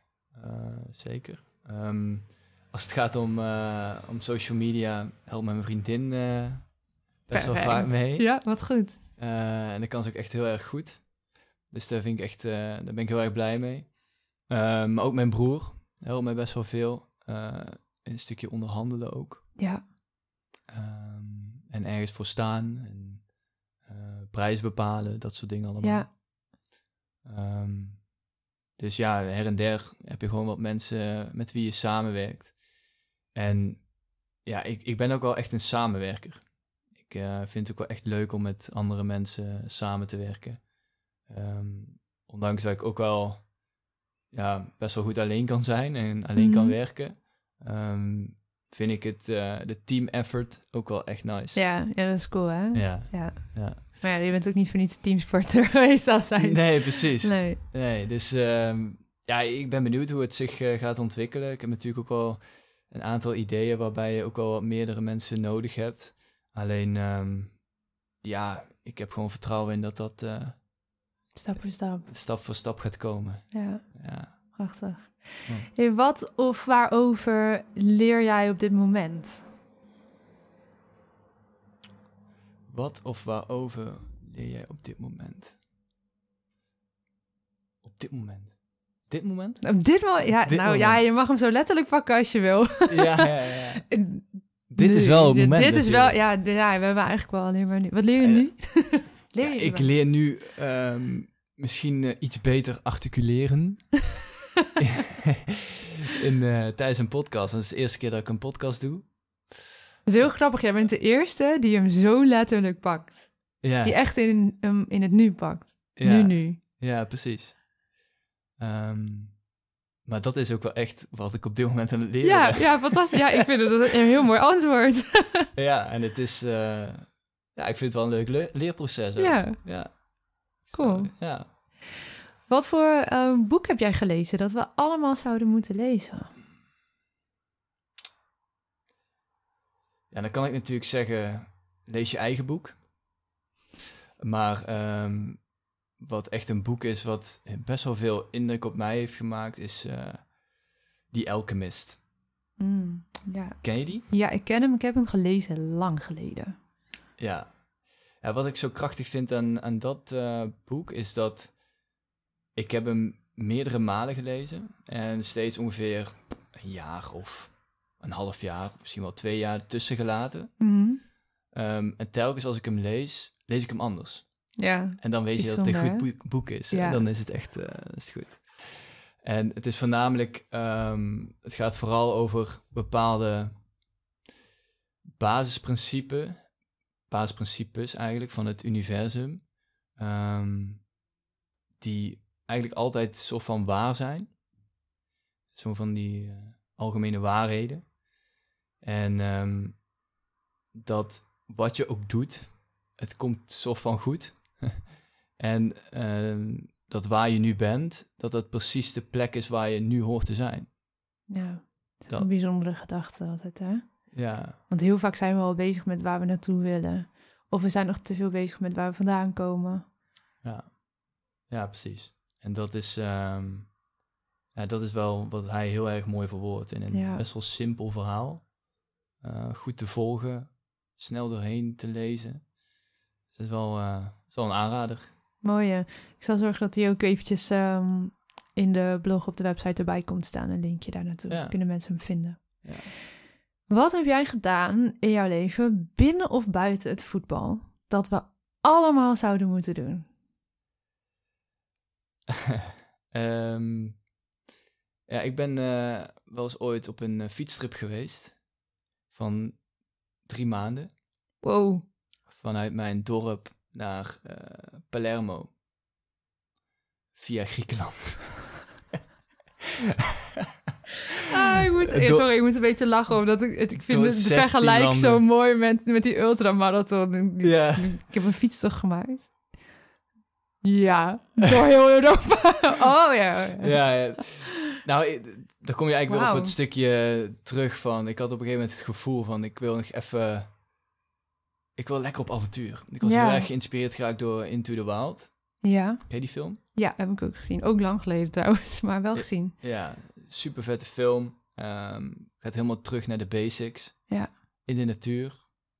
En ik dacht, ja, dat wil ik ook. Eh, alleen dan wil ik het wel een beetje in het moderne gieten. Ja, Dus ik had wel gewoon een mobiel en zo bij. Ehm, maar ik dacht, oké, ik ga ervoor kiezen om zo minimalistisch mogelijk ehm, ja, te reizen. En gewoon eh, heel simpel. Ik had een fietsje gekocht van 100 euro op Marktplaats. gewoon een gewone fiets. Ja, nou goed, zo- het is wel... Het is een Koga Traveler. Dus wel iets is- meer dan je stadsfietsje, zeg maar. Ja, dat Ja, wel. ja, ja. Voor gewoon eh, versnelling en zo. Alleen het was wel echt een... eh, hij was wel heel oud, dat wel. 25 jaar oud of zo. En er waren al meerdere eh, tripjes mee gemaakt.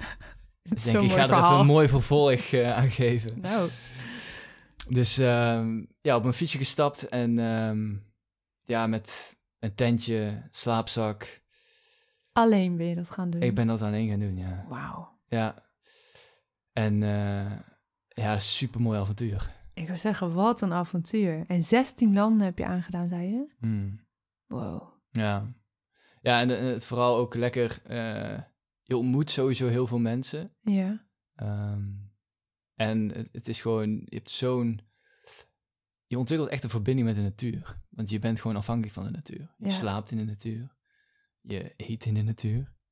Je bent eigenlijk altijd buiten. En ehm, ja, dat verandert ook alweer gedeeltelijk je, je perspectief. En dat we daar echt gewoon niet zonder kunnen. En dat dat ook echt in ons zit. Dat we daar eh, verbinding mee moeten zoeken eigenlijk. Ehm, ja, het was echt een heel, heel vet avontuur. En ik zou het eigenlijk echt iedereen aanraden om dat te doen. Ja. En het is gewoon heel relaxed. Ja. Je, je fietst een stukje, je legt ergens aan. ehm, je ontmoet bijvoorbeeld iemand en je gaat samen eten.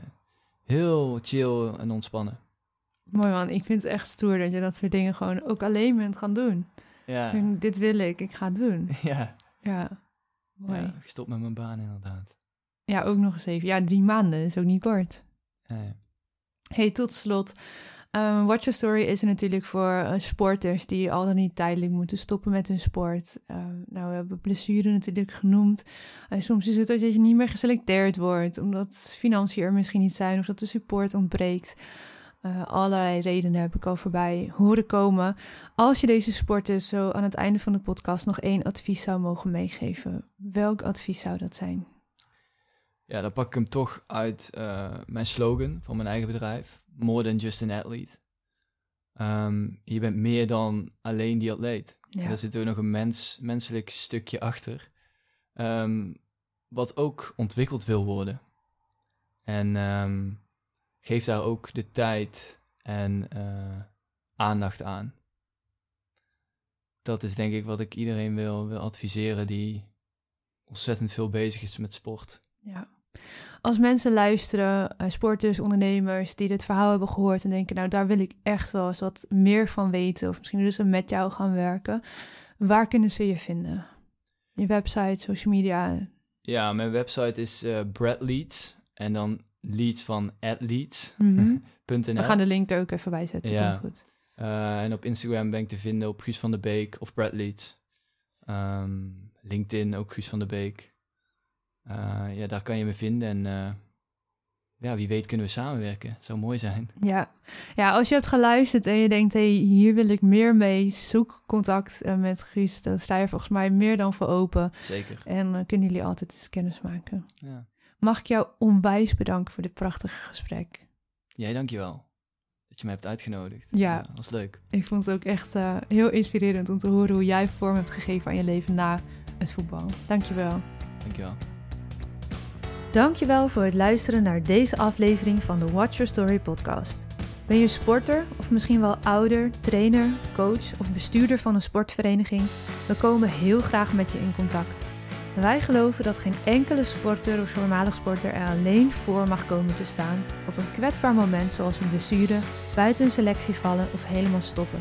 Leegte, verdriet, boosheid, teleurgesteld zijn en onbegrip voelen, het is voor heel veel sporters herkenbaar.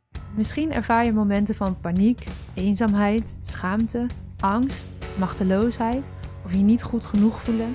Het zijn allemaal emoties die heel logisch zijn en die je niet hoeft weg te stoppen. De toekomst speelt of het leven dat je kende is weg, of het ziet er tijdelijk anders uit. Maar je sport was en is diep van binnen nog steeds jouw identiteit. Jouw verhaal doet ertoe. En daarom hebben wij met verschillende experts de online training Beyond the Game ontwikkeld. De training is helemaal gratis te volgen voor alle luisteraars, omdat wij vinden dat mentale begeleiding voor alle sporters beschikbaar moet zijn. Aanmelden kan via watchyourstory.nl en die link vind je ook in de beschrijving van deze aflevering. Dus vergeet nooit, je bent niet alleen. Your story counts.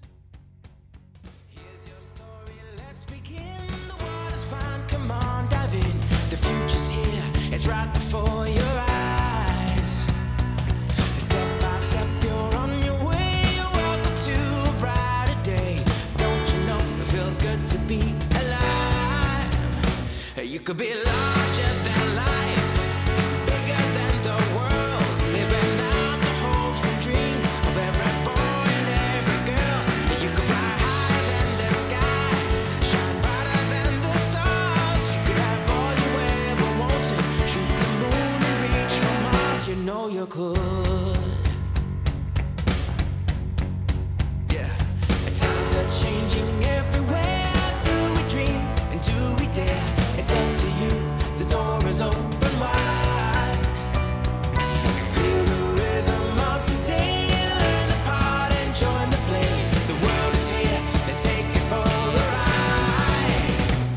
Could be larger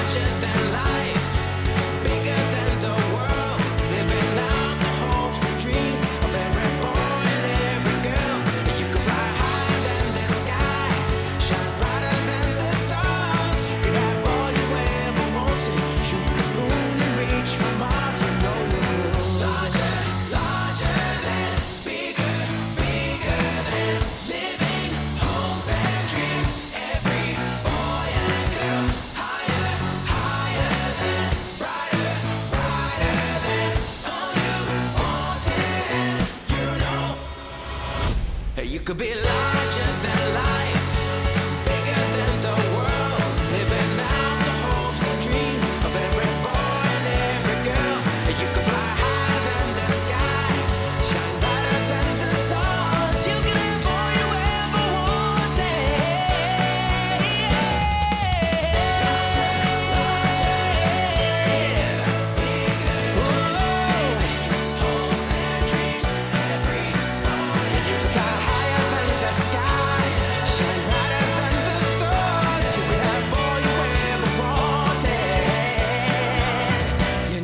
could.